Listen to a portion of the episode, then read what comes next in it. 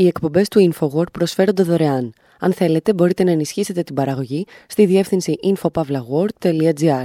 Η διεύθυνση infopavlagor.gr. Η εκπομπή InfoWord με τον Άρη Χατζηστεφάνου.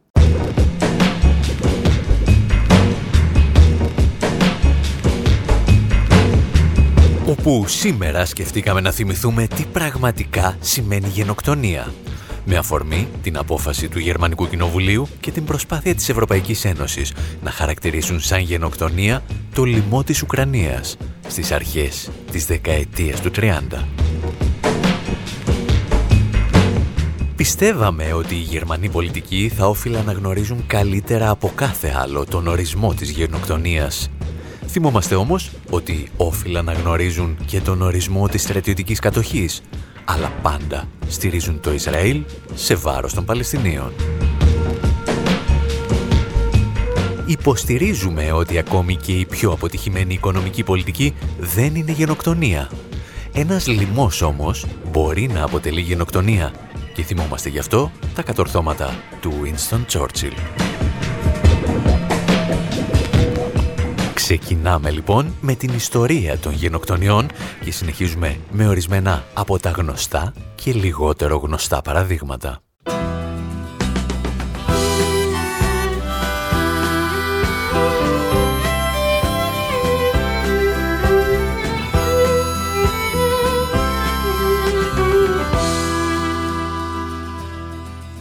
Θα σου πάρω βιολιά και ένα ντέφι γλυκό να σου παίζουν Ερήνουλα μου, ερήνουλα μου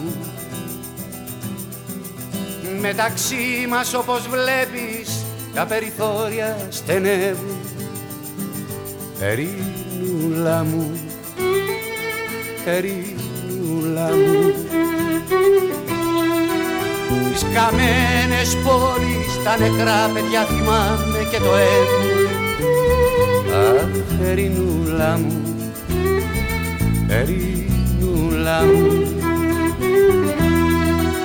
Κι η δικιά μου η ζωή δίχως νόημα, δίχως φωνή και μάτιο βλέμμα. Ερηνούλα μου, ερηνούλα μου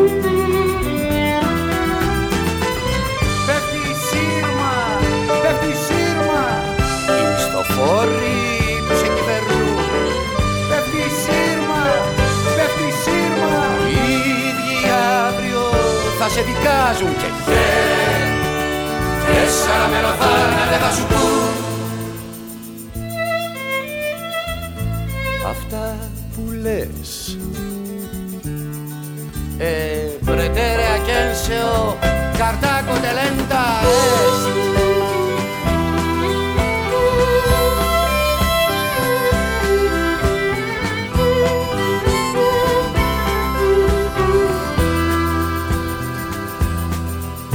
Με τρομάζει σαν των γηπέδων τις φωνές και τις σημαίες. Ερήνουλα μου, ερήνουλα μου. Φοβισμένος σε κοιτάζω διπλωμένες κρατώντας τις κεραίες. Αχ, ερήνουλα μου, ερήνουλα μου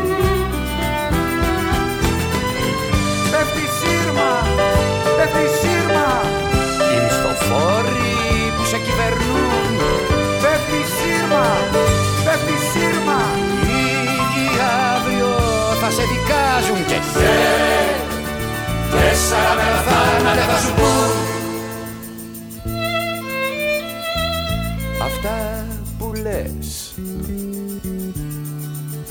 E pretere a Censeo, Cartago de lenta est μισθοφόροι που σήμερα σε κυβερνούν και αύριο θα σε δικάζουν, για τους οποίους τραγουδά ο Δήμος Μούτσης, είναι γνωστοί σε όλους.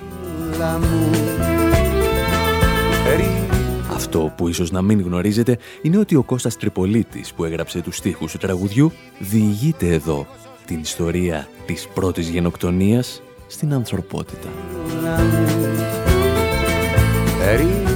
Το Καρθάγκο Ντελέντα Est αποτελεί συντόμευση μιας λατινικής φράσης που αποδίδεται στα ελληνικά ως «Κατά την άποψή μου, η καρχιδόνα πρέπει να καταστραφεί». Ήταν μία από τις αγαπημένες φράσεις των Ρωμαίων πολιτικών κατά τη διάρκεια των καρχιδονιακών πολέμων. Γιατί η καρχιδόνα όσες φορές και να την ισοπαίδωναν οι Ρωμαϊκές Λεγιώνες είχε αυτή την αναθεματισμένη ικανότητα να αναγεννάται από την τέφρα της και να αμφισβητεί και πάλι τη Ρωμαϊκή Αυτοκρατορία. Σύμφωνα με τον Μπεν Κίρμαν, καθηγητή ιστορίας στο Πανεπιστήμιο του Γέιλ, η καταστροφή της Καρχιδόνας στον Τρίτο Καρχιδονιακό Πόλεμο αποτέλεσε την πρώτη γενοκτονία της ιστορίας.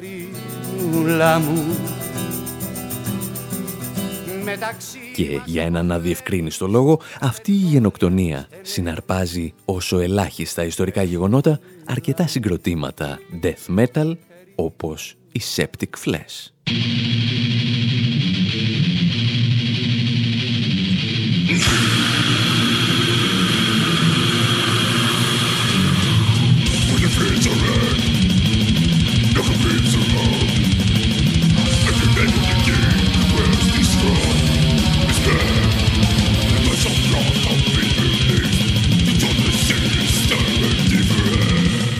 Που ακούτε για να έχετε μια εικόνα είναι το πιο μελωδικό κομμάτι death metal που βρήκαμε για την Καρχιδόνα. Γιατί ύστερα έρχονται και κάτι συγκροτήματα σαν τους Καρθάγκε που λένε τα πράγματα μέσα από τα δόντια.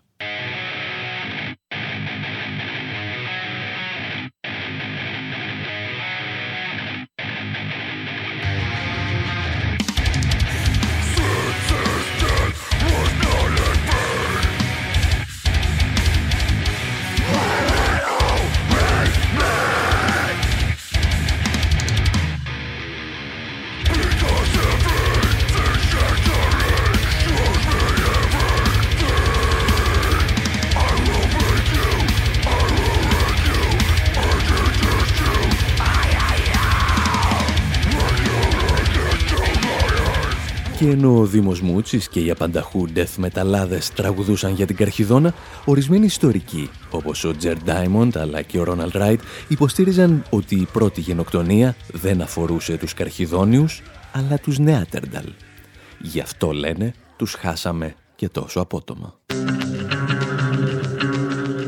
Υπάρχει όμως και μία ακόμη θεωρία που λέει ότι μία από τις πρώτες γενοκτονίες στην ιστορία πραγματοποιήθηκε στην αρχαία Ελλάδα Πρόκειται, σύμφωνα με αρκετούς ιστορικούς, για τη σφαγή των κατοίκων της Μήλου από τους Αθηναίους. Το μόνο που μας σώζει είναι ότι η σφαγή της Μήλου εντάσσεται καλύτερα στις λεγόμενες φιλοκτονίες και όχι τις γενοκτονίες. Και αυτό γιατί η σφαγή αφορούσε τους ενήλικες άνδρες και όχι τα παιδιά και τις γυναίκες που πέρασαν υπό τον έλεγχο του κατακτήτη. Σε κάθε περίπτωση, όπως σωστά άφηνε να εννοηθεί και ο Θουκυδίδης, είναι μάλλον η στιγμή που η Αθηναϊκή Συμμαχία μετατρέπεται σε ηγεμονία και εν τέλει σε τυραννίδα. Εμείς όμως με αυτά τα νομικίστικα κολπάκια γλιτώνουμε τη ρετσινιά του να έχουμε πραγματοποιήσει μία από τις πρώτες γενοκτονίες, αλλά απλώς μία φιλοκτονία.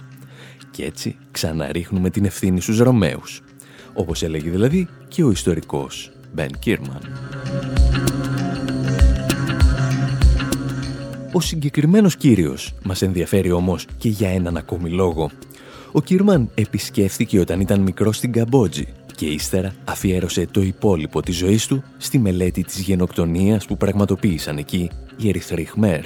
Μια ιστορία που θα συζητήσουμε αφού επιτρέψουμε στους Dead Kennedys να μας βάλουν ελαφρώς στο κλίμα.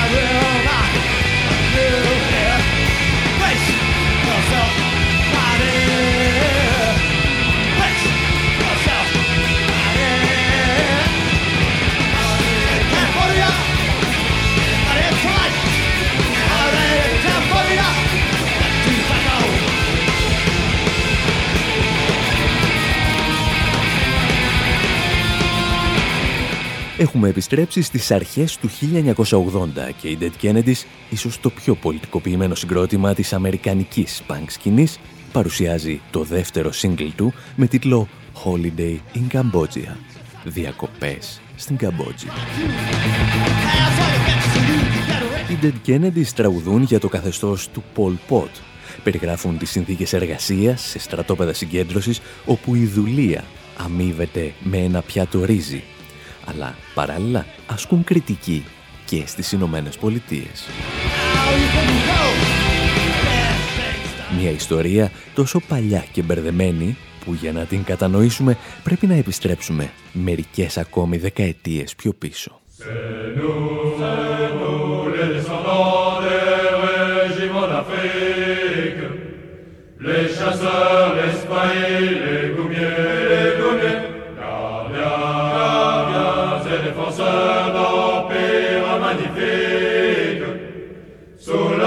Soleil, chevauchant sans répit le fier toujours prêts à servir, à ma à mourir. Nos cœurs se sont unis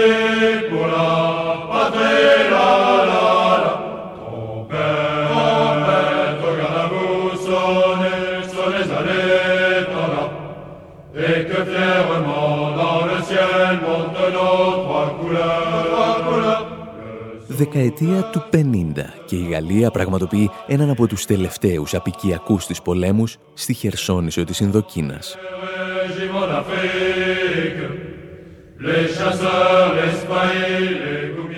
Το 1954 η Γαλλία θα αναγκαστεί να αποχωρήσει, παραδίδοντας θεωρητικά τουλάχιστον τα σκύπτρα στην Ουάσιγκτον. Μια διαδοχή που θα οδηγήσει ένα χρόνο αργότερα στον πόλεμο του Βιετνάμ.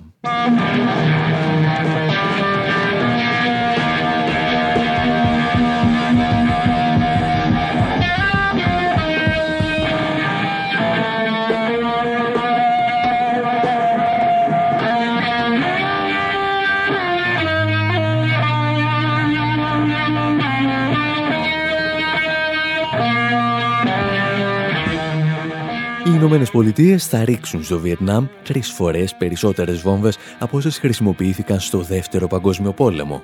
Παρ' όλα αυτά θα υποστούν ταπεινωτική ήττα από ένα λαό που ξέρει να πολεμά για την ελευθερία του.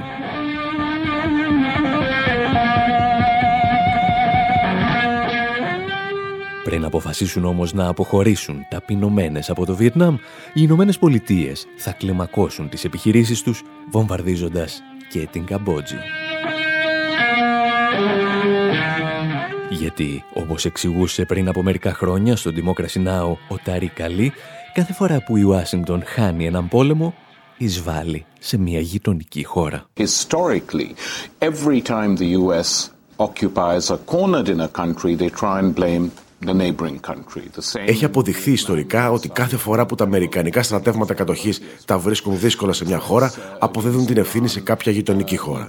Αυτό έγινε λόγω χάρη στο Βιετνάμ, όπου άρχισαν να βομβαρδίζουν την Καμπότζη, λέγοντας ότι αυτή ήταν υπεύθυνη για ό,τι συνέβαινε. Το ίδιο συμβαίνει ακόμη και σήμερα με το Ιράν. Και τώρα βλέπουμε επιθέσεις, βομβαρδισμούς και το θάνατο αμάχων στο Πακιστάν, ενώ το πρόβλημα βρίσκεται στο Αφγανιστάν, όπου η κατάσταση βρίσκεται εκτός ελέγχου.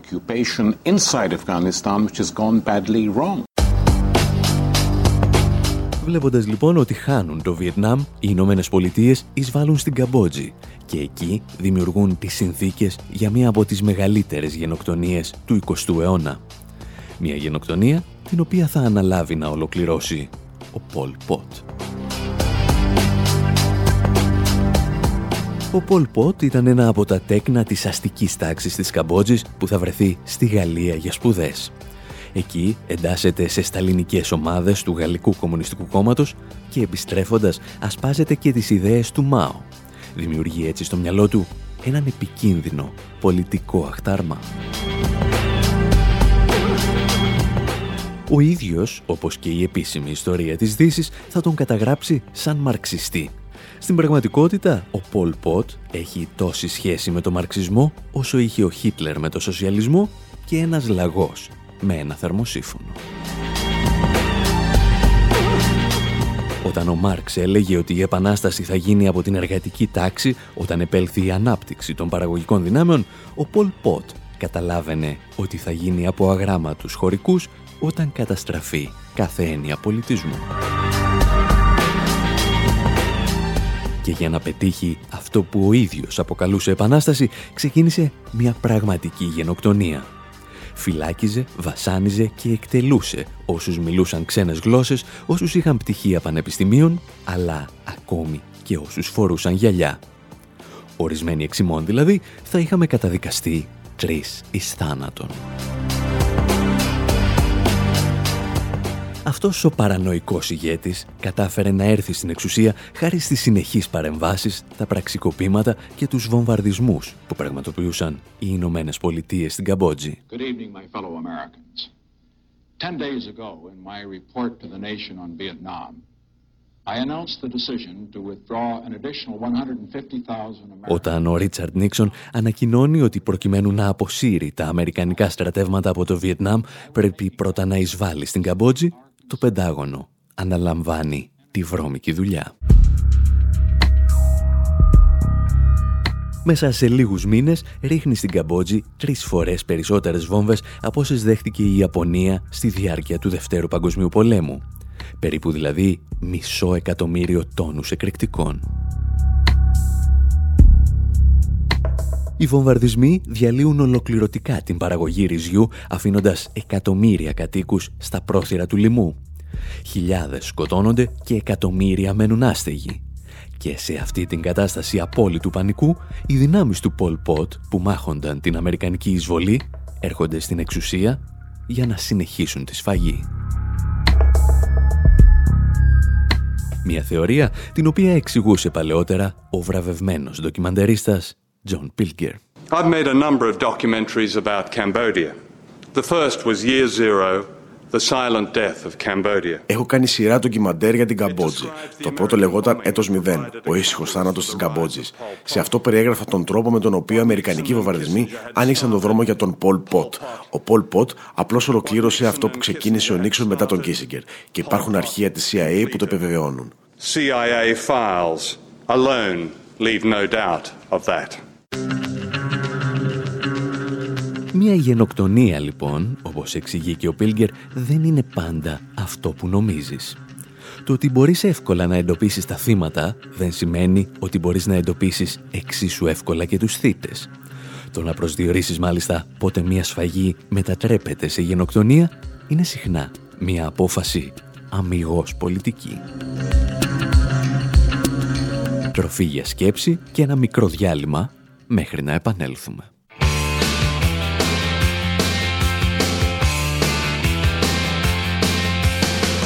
Under the October with the steamboats Ancient goblins and wallows Come at the grand light making a sound The smell of death is all around. And at night when the cold wind blows No one cares, nobody knows. I don't wanna be buried in a pet cemetery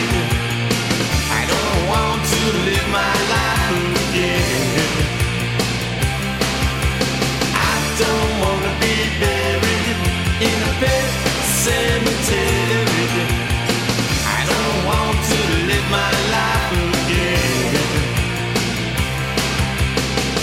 I'll to the sacred place This ain't a dream I can't escape Molars and fangs are picking up bones Spirits moaning among the tombstones And at night when the moon is bright Someone cries something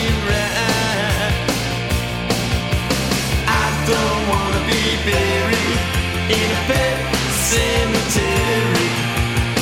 I don't want to live my life again.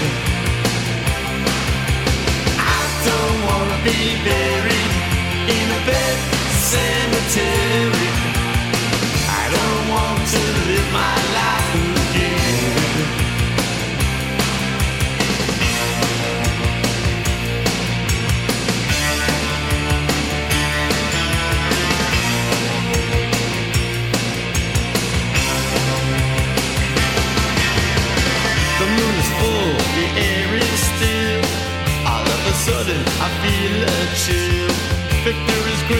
is running away. Skeleton dance, I curse these days.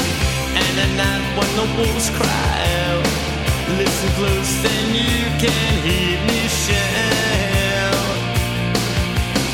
I don't wanna be buried in a big cemetery.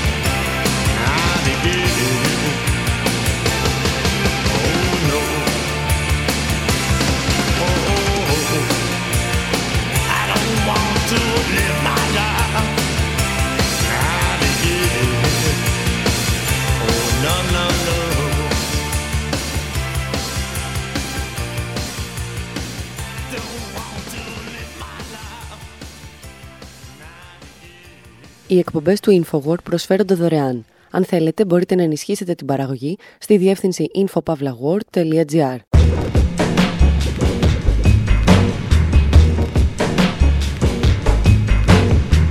Εκπομπή Infowar, μέρος δεύτερο. Όπου συνεχίζουμε να ακούμε ευχάριστα και λιγότερο ευχάριστα τραγουδάκια για γενοκτονίες. Για πραγματικές γενοκτονίες και όχι αυτές που αναγνωρίζουν προσφάτως οι Γερμανοί πολιτικοί. Είδαμε ότι οι Έλληνες γλίτωσαν παρατρίχα τη ρετσινιά του να έχουν πραγματοποιήσει την πρώτη γενοκτονία της ιστορίας. Υποστηρίξαμε ότι η γενοκτονία στην Καμπότζη δεν ξεκίνησε από τον Πολ Πότ, αλλά ίσως από τον Ρίτσαρντ Νίξον. Και τώρα συνεχίζουμε το μουσικό μας ταξίδι. Είναι η σειρά του Νίλ Γιάνγκ να τραγουδήσει για μία ακόμη γενοκτονία. Ίσως την μεγαλύτερη που πραγματοποιήθηκε ποτέ.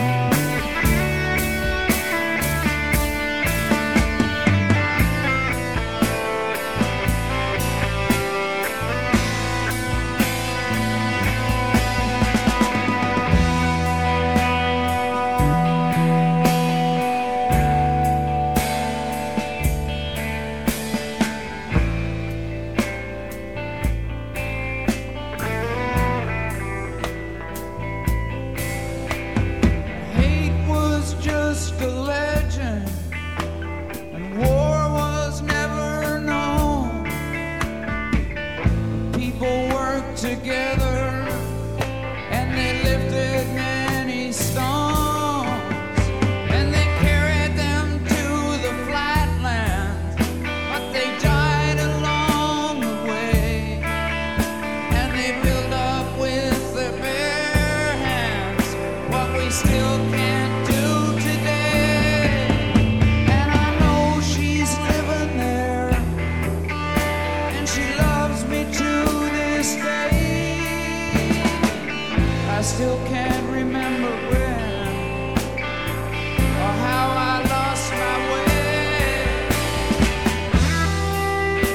Όπως ίσως έχετε ακούσει πολλές φορές σε αυτήν εδώ την εκπομπή, ο Νίλ Γιάνγκ περιγράφει τη στιγμή που ο Χορνάν Κορτές φτάνει με τους στρατιώτες του για να συναντήσει τον Μοντεζούμα, τον τελευταίο αυτοκράτορα των Αζδέκων. Και το ημερολόγιό μας γράφει αρχές του 16ου αιώνα. Οι πιστοί ηθαγενείς, λέει, μαζεύονται γύρω του για να δουν τον οργισμένο Θεό που πιστεύουν ότι έφτασε στα εδάφη τους. Όμορφοι άντρες και γυναίκες προσφέρουν τη ζωή τους θυσία στο βωμό του για να σωθούν τα υπόλοιπα μέλη της κοινότητας. Ο Κορτές όμως ήταν απεσταλμένος του Ισπανικού στέματος και είχε τους δικούς του θεούς να υπηρετήσει. Ακόμη και οι ανθρωποθυσίες δεν τον συγκινούν. Η αποστολή του είναι να γυρίσει με όσο το δυνατόν περισσότερο χρυσάφι. Και αν αυτό απαιτεί και μία γενοκτονία, τόσο το χειρότερο για τον πολιτισμό των Αζτέκων. Ο Κορτές δεν κάνει τίποτα περισσότερο και τίποτα λιγότερο από ό,τι είχε κάνει ο Πιζάρο με τους Ίνκα στο Περού. Όλοι τους δηλαδή συνέχιζαν το έργο του Χριστόφορου Κολόμβου, του κυρίου για τον οποίο έγραψε κάποτε μουσική ο Βαγγέλης.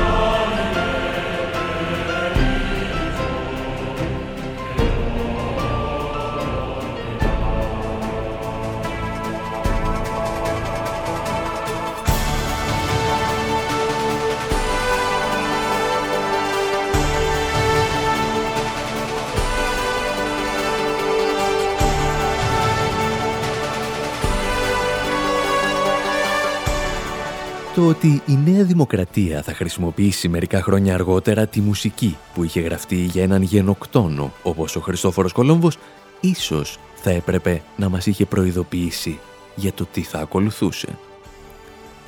Εμείς όμως με τη βοήθεια του Βαγγέλη έχουμε επιστρέψει στο 1492, περίπου τέτοιο καιρό.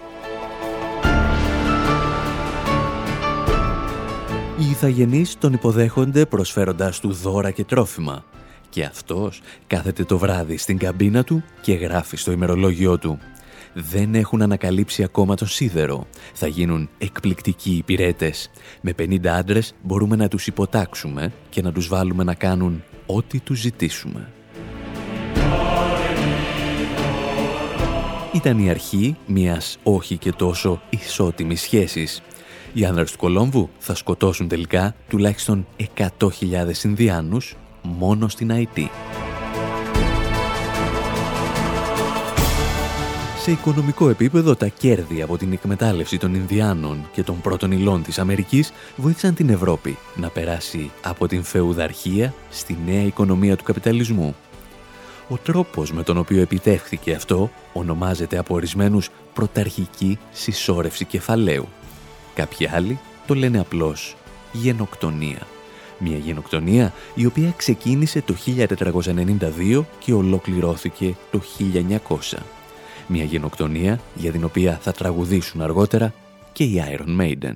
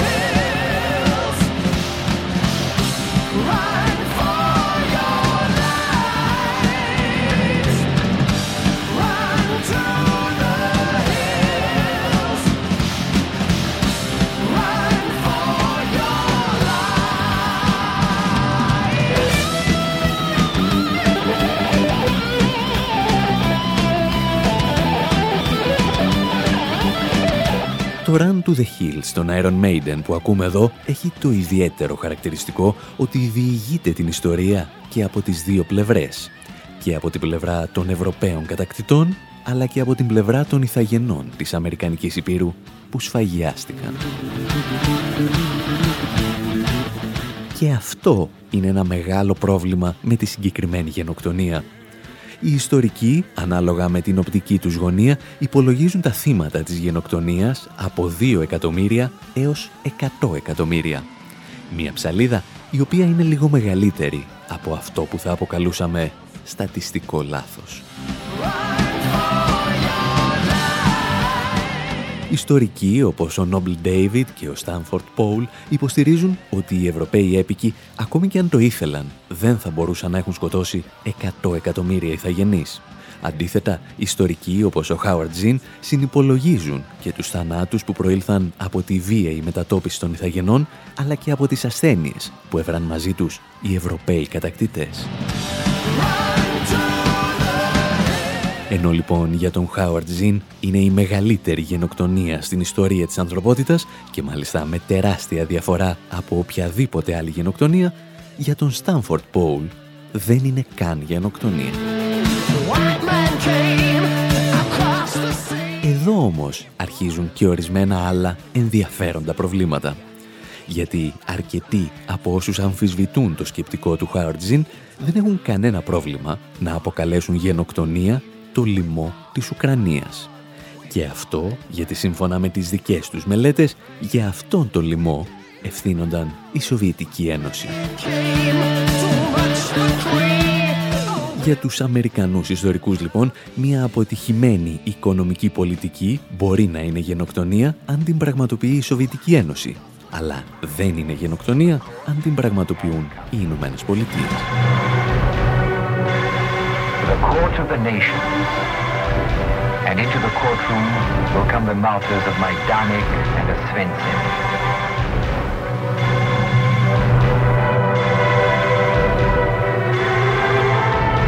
From the ditch of Kerch, the dead will rise. Αυτές τις σκέψεις είχαμε μοιραστεί μαζί σας και πριν από χρόνια.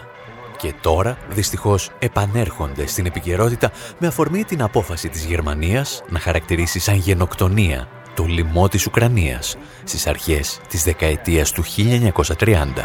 Butchers had no pity on them. Now the victims will judge. Θα μπορούσαμε γι' αυτό να κάνουμε πολλά σχόλια.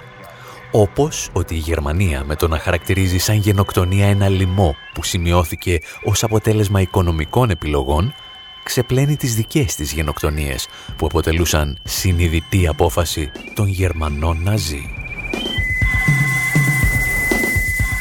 Αντί γι' αυτό όμως, σκεφτήκαμε να θυμηθούμε έναν άλλο λοιμό, ο οποίος δεν έτυχε, αλλά δυστυχώς πέτυχε.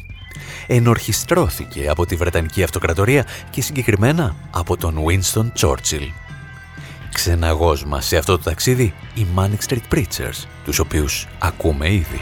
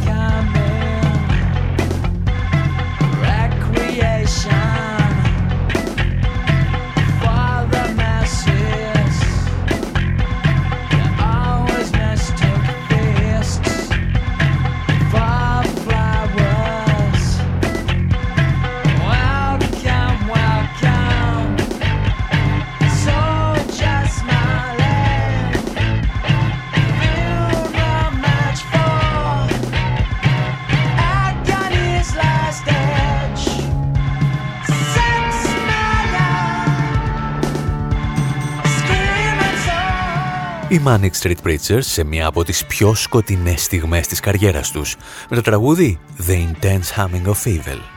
Το τραγούδι που εμπνεύστηκαν αφού επισκέφθηκαν τον Ταχάου και ένα μνημείο για τα θύματα του βομβαρδισμού της Χειροσύμας. Οι Manic Street Preachers ξεκινούν με αποσπάσματα από τη δίκη της Νιρεμβέργης και συνεχίζουν με τις συνθήκες στα στρατόπεδα εξόντωσης αλλά και τα πειράματα που πραγματοποιούσαν οι Ναζί στα θύματά τους. Το τραγούδι όμως τελειώνει με τη φράση «Και ο Τσόρτσιλ δεν ήταν διαφορετικός». Έχουμε αναφερθεί πολλές φορές σε αυτή την εκπομπή σε χαρακτηριστικά του Winston Churchill που θυμίζουν απελπιστικά τον Αδόλφο Χίτλερ, όπως λόγου χάρη οι θέσεις του υπέρ της ευγονικής. Ίσως όμως εκείνο το στοιχείο που τον συνδέει περισσότερο να ήταν η έννοια της γενοκτονίας. Πριν από μερικά χρόνια, ο Μάικ Ντέιβις που μας άφησε μόνους το 2022 υποστήριξε ότι ο λιμός που σημειώθηκε στη Βεγγάλη της Ινδίας πριν από 8 δεκαετίες αποτελούσε μια μορφή γενοκτονίας. Ήταν ένας λιμός που προκλήθηκε από συνειδητές ανθρώπινες πράξεις και παραλείψεις της Βρετανικής Αυτοκρατορίας την εποχή του Δευτέρου Παγκοσμίου Πολέμου.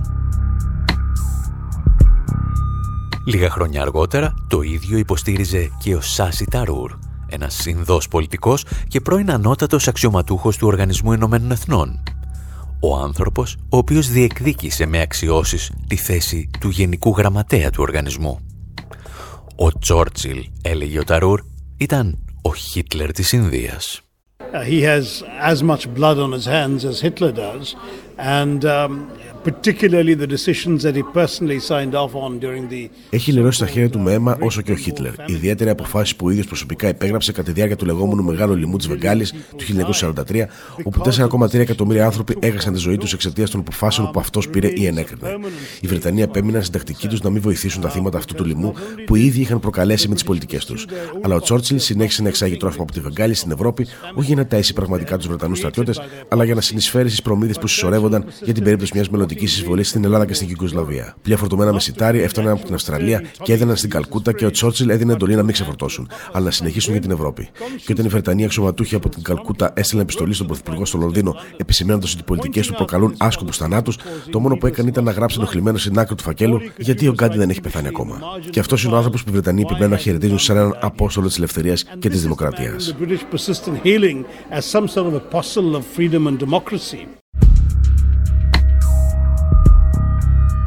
Εάν έχετε δει φωτογραφίες από το λοιμό της Βεγγάλης, θα θυμάστε τα χιλιάδες σκελετωμένα πτώματα που γίνονταν τροφή για τους γήπες. Ίσως να έχετε ακούσει για τους γονείς που έπνιγαν τα παιδιά τους για να τα γλιτώσουν από τον αργό θάνατο της ασυτείας. Και όλα αυτά, σύμφωνα με τον Σάσι Ταρούρ, έγιναν με μία υπογραφή του Winston Churchill. Όπως εξηγεί και ο Τάρι Καλή στο τελευταίο του βιβλίο για τον Τσόρτσιλ, ακόμη και όταν είχε ξεκινήσει ο λοιμός, το Λονδίνο απομάκρυνε τρόφιμα από τη Βεγγάλη και τα οδηγούσε στην Ευρώπη. Οι Βρετανοί μάλιστα κατέστρεψαν ή απομάκρυναν 43.000 πλοιάρια, τα οποία ήταν το μοναδικό μέσο τροφοδοσίας μεγάλων περιοχών της Βεγγάλης. Και όλα αυτά ο Τσόρτσιλ τα έκανε εφαρμόζοντας την πολιτική της καμένης γης, για το ενδεχόμενο να υπάρξει εισβολή της αυτοκρατορικής Ιαπωνίας σε μια περιοχή που ελεγχόταν από το Λονδίνο. Όσοι όμως τόλμησαν να χαρακτηρίσουν γενοκτονία τις αποφάσεις που συνειδητά οδήγησαν στο θάνατο περισσότερα από 4 εκατομμύρια ανθρώπους, βρέθηκαν αντιμέτωποι με ένα τείχος φιλελεύθερων ιστορικών που τους αμφισβήτησαν είναι οι ίδιοι ιστορικοί που σήμερα θέλουν να μας πείσουν ότι η αποτυχημένη οικονομική πολιτική της Σοβιετικής Ένωσης στην Ουκρανία αποτελούσε γενοκτονία.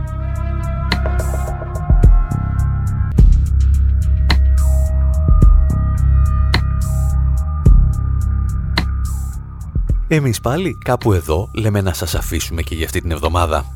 Με την ευκαιρία όμως θέλαμε να πούμε ένα τεράστιο ευχαριστώ σε όσους μας τιμήσατε με την παρουσία σας στην παρουσίαση του νέου μας βιβλίου με το τίτλο «Προπαγάνδα και παραπληροφόρηση» στην Αθήνα και τη Θεσσαλονίκη. Και φυσικά να ευχαριστήσουμε τους καλεσμένους μας, τον Γιώργο Πλειό, τον Χριστόφορο Ζαραλίκο και την Ελευθερία Κουμάντου, τον Αντώνης Σκαμνάκη, τον Απόστολο Λικεσά και τον Χρήστο Αβραμίδη. Μέχρι την επόμενη εβδομάδα πάντως, από τον Άρη Χατζηστεφάνου στο μικρόφωνο και τον Δημήτρη Σταθόπουλο στην τεχνική επιμέλεια, γεια σας και χαρά σας.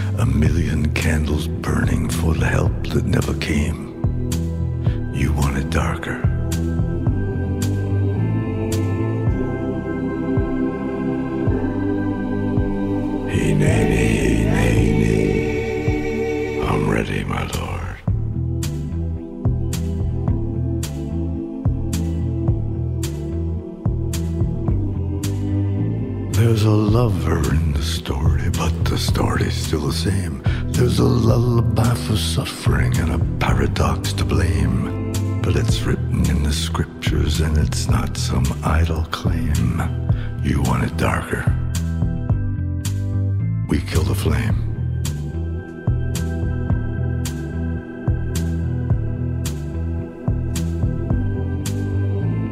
They're lining up the prisoners and the guards are taking aim. I struggled with some demons, they were middle class and tame. I didn't know I had permission to murder and to maim. You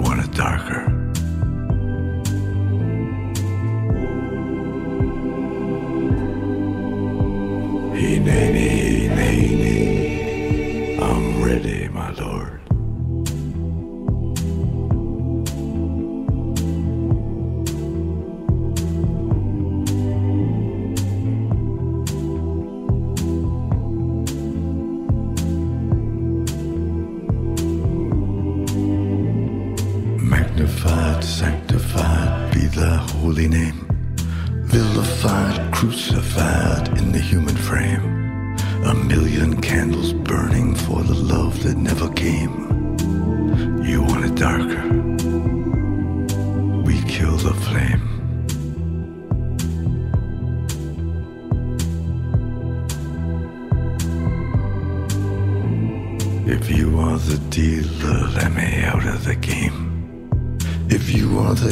I'm broken and lame.